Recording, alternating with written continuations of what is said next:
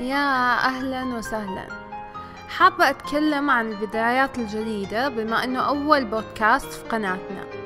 البدايات الجديدة مرتبطة في الحياة بمولود جديد أو زواج جديد أو مرحلة دراسية جديدة. لكن اللي مهم نعود روحنا الطيبة عليه أنه لو تخيلنا أن حياتنا عبارة عن موجات صوتية. كل حركة أو طلوع أو نزول في هذه الموجات حتى لو كان بسيط هو بداية جديدة.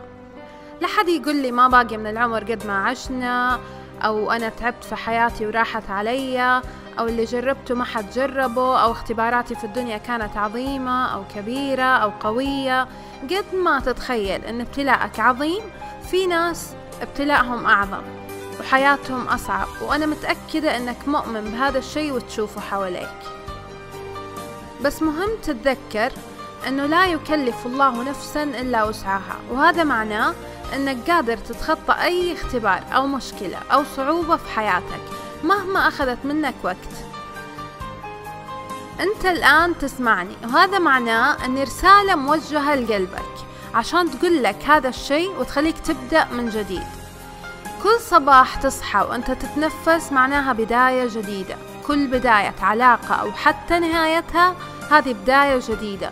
كل عمل جديد أو انتهاء عقدك فيه هذه بداية جديدة. كل شخص مر في حياتك أو شخص تشوفه حتى لو كنت رايح عملك ويحرك شعور لطيف أو حزين داخلك هذه بداية جديدة. كل منظر حلو أو عصافير تطير أو فراشة ملونة خلتك تحس شعور حلو هذه بداية جديدة. كل حضن وكل ابتسامة وكل نظرة لطيفة هذه بداية جديدة. كل الأشياء اللي تحرك شعور داخلك معناها بداية جديدة لك.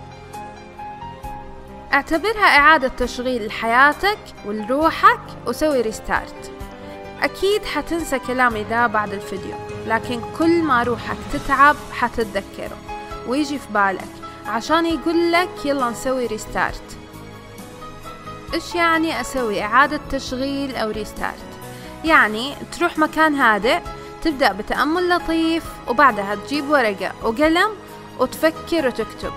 أنا إيش مضايقني؟ وليش مضايقني؟ وكيف أحله بدون ما أذي أحد أو أذي نفسي؟ أو على الأقل كيف أخفف أو أبعد حدة هذا الشعور؟ ولو تقدر تروح لأحد يساعدك ممتاز لأن مرات لما نكون داخل الدوامة ما نقدر نشوف الموضوع من زوايا مختلفة ولا نقدر نشوف الخير اللي فيه ولا نقدر نميز حكمة الله ورسالته لنا من خلال هذه التجربة أو الشيء اللي يوجعنا.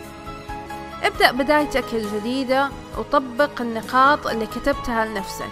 وانتبه عليها وحبها لا تعتقد إن في أي أحد يقدر يعطيك هذا الشعور بشكل مستمر.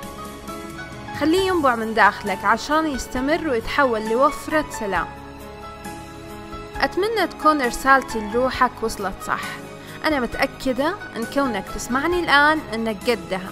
لأن ربي لطيف معانا ودايما يرسل لنا الرسائل في وقتها ووقت ما نكون جاهزين لها.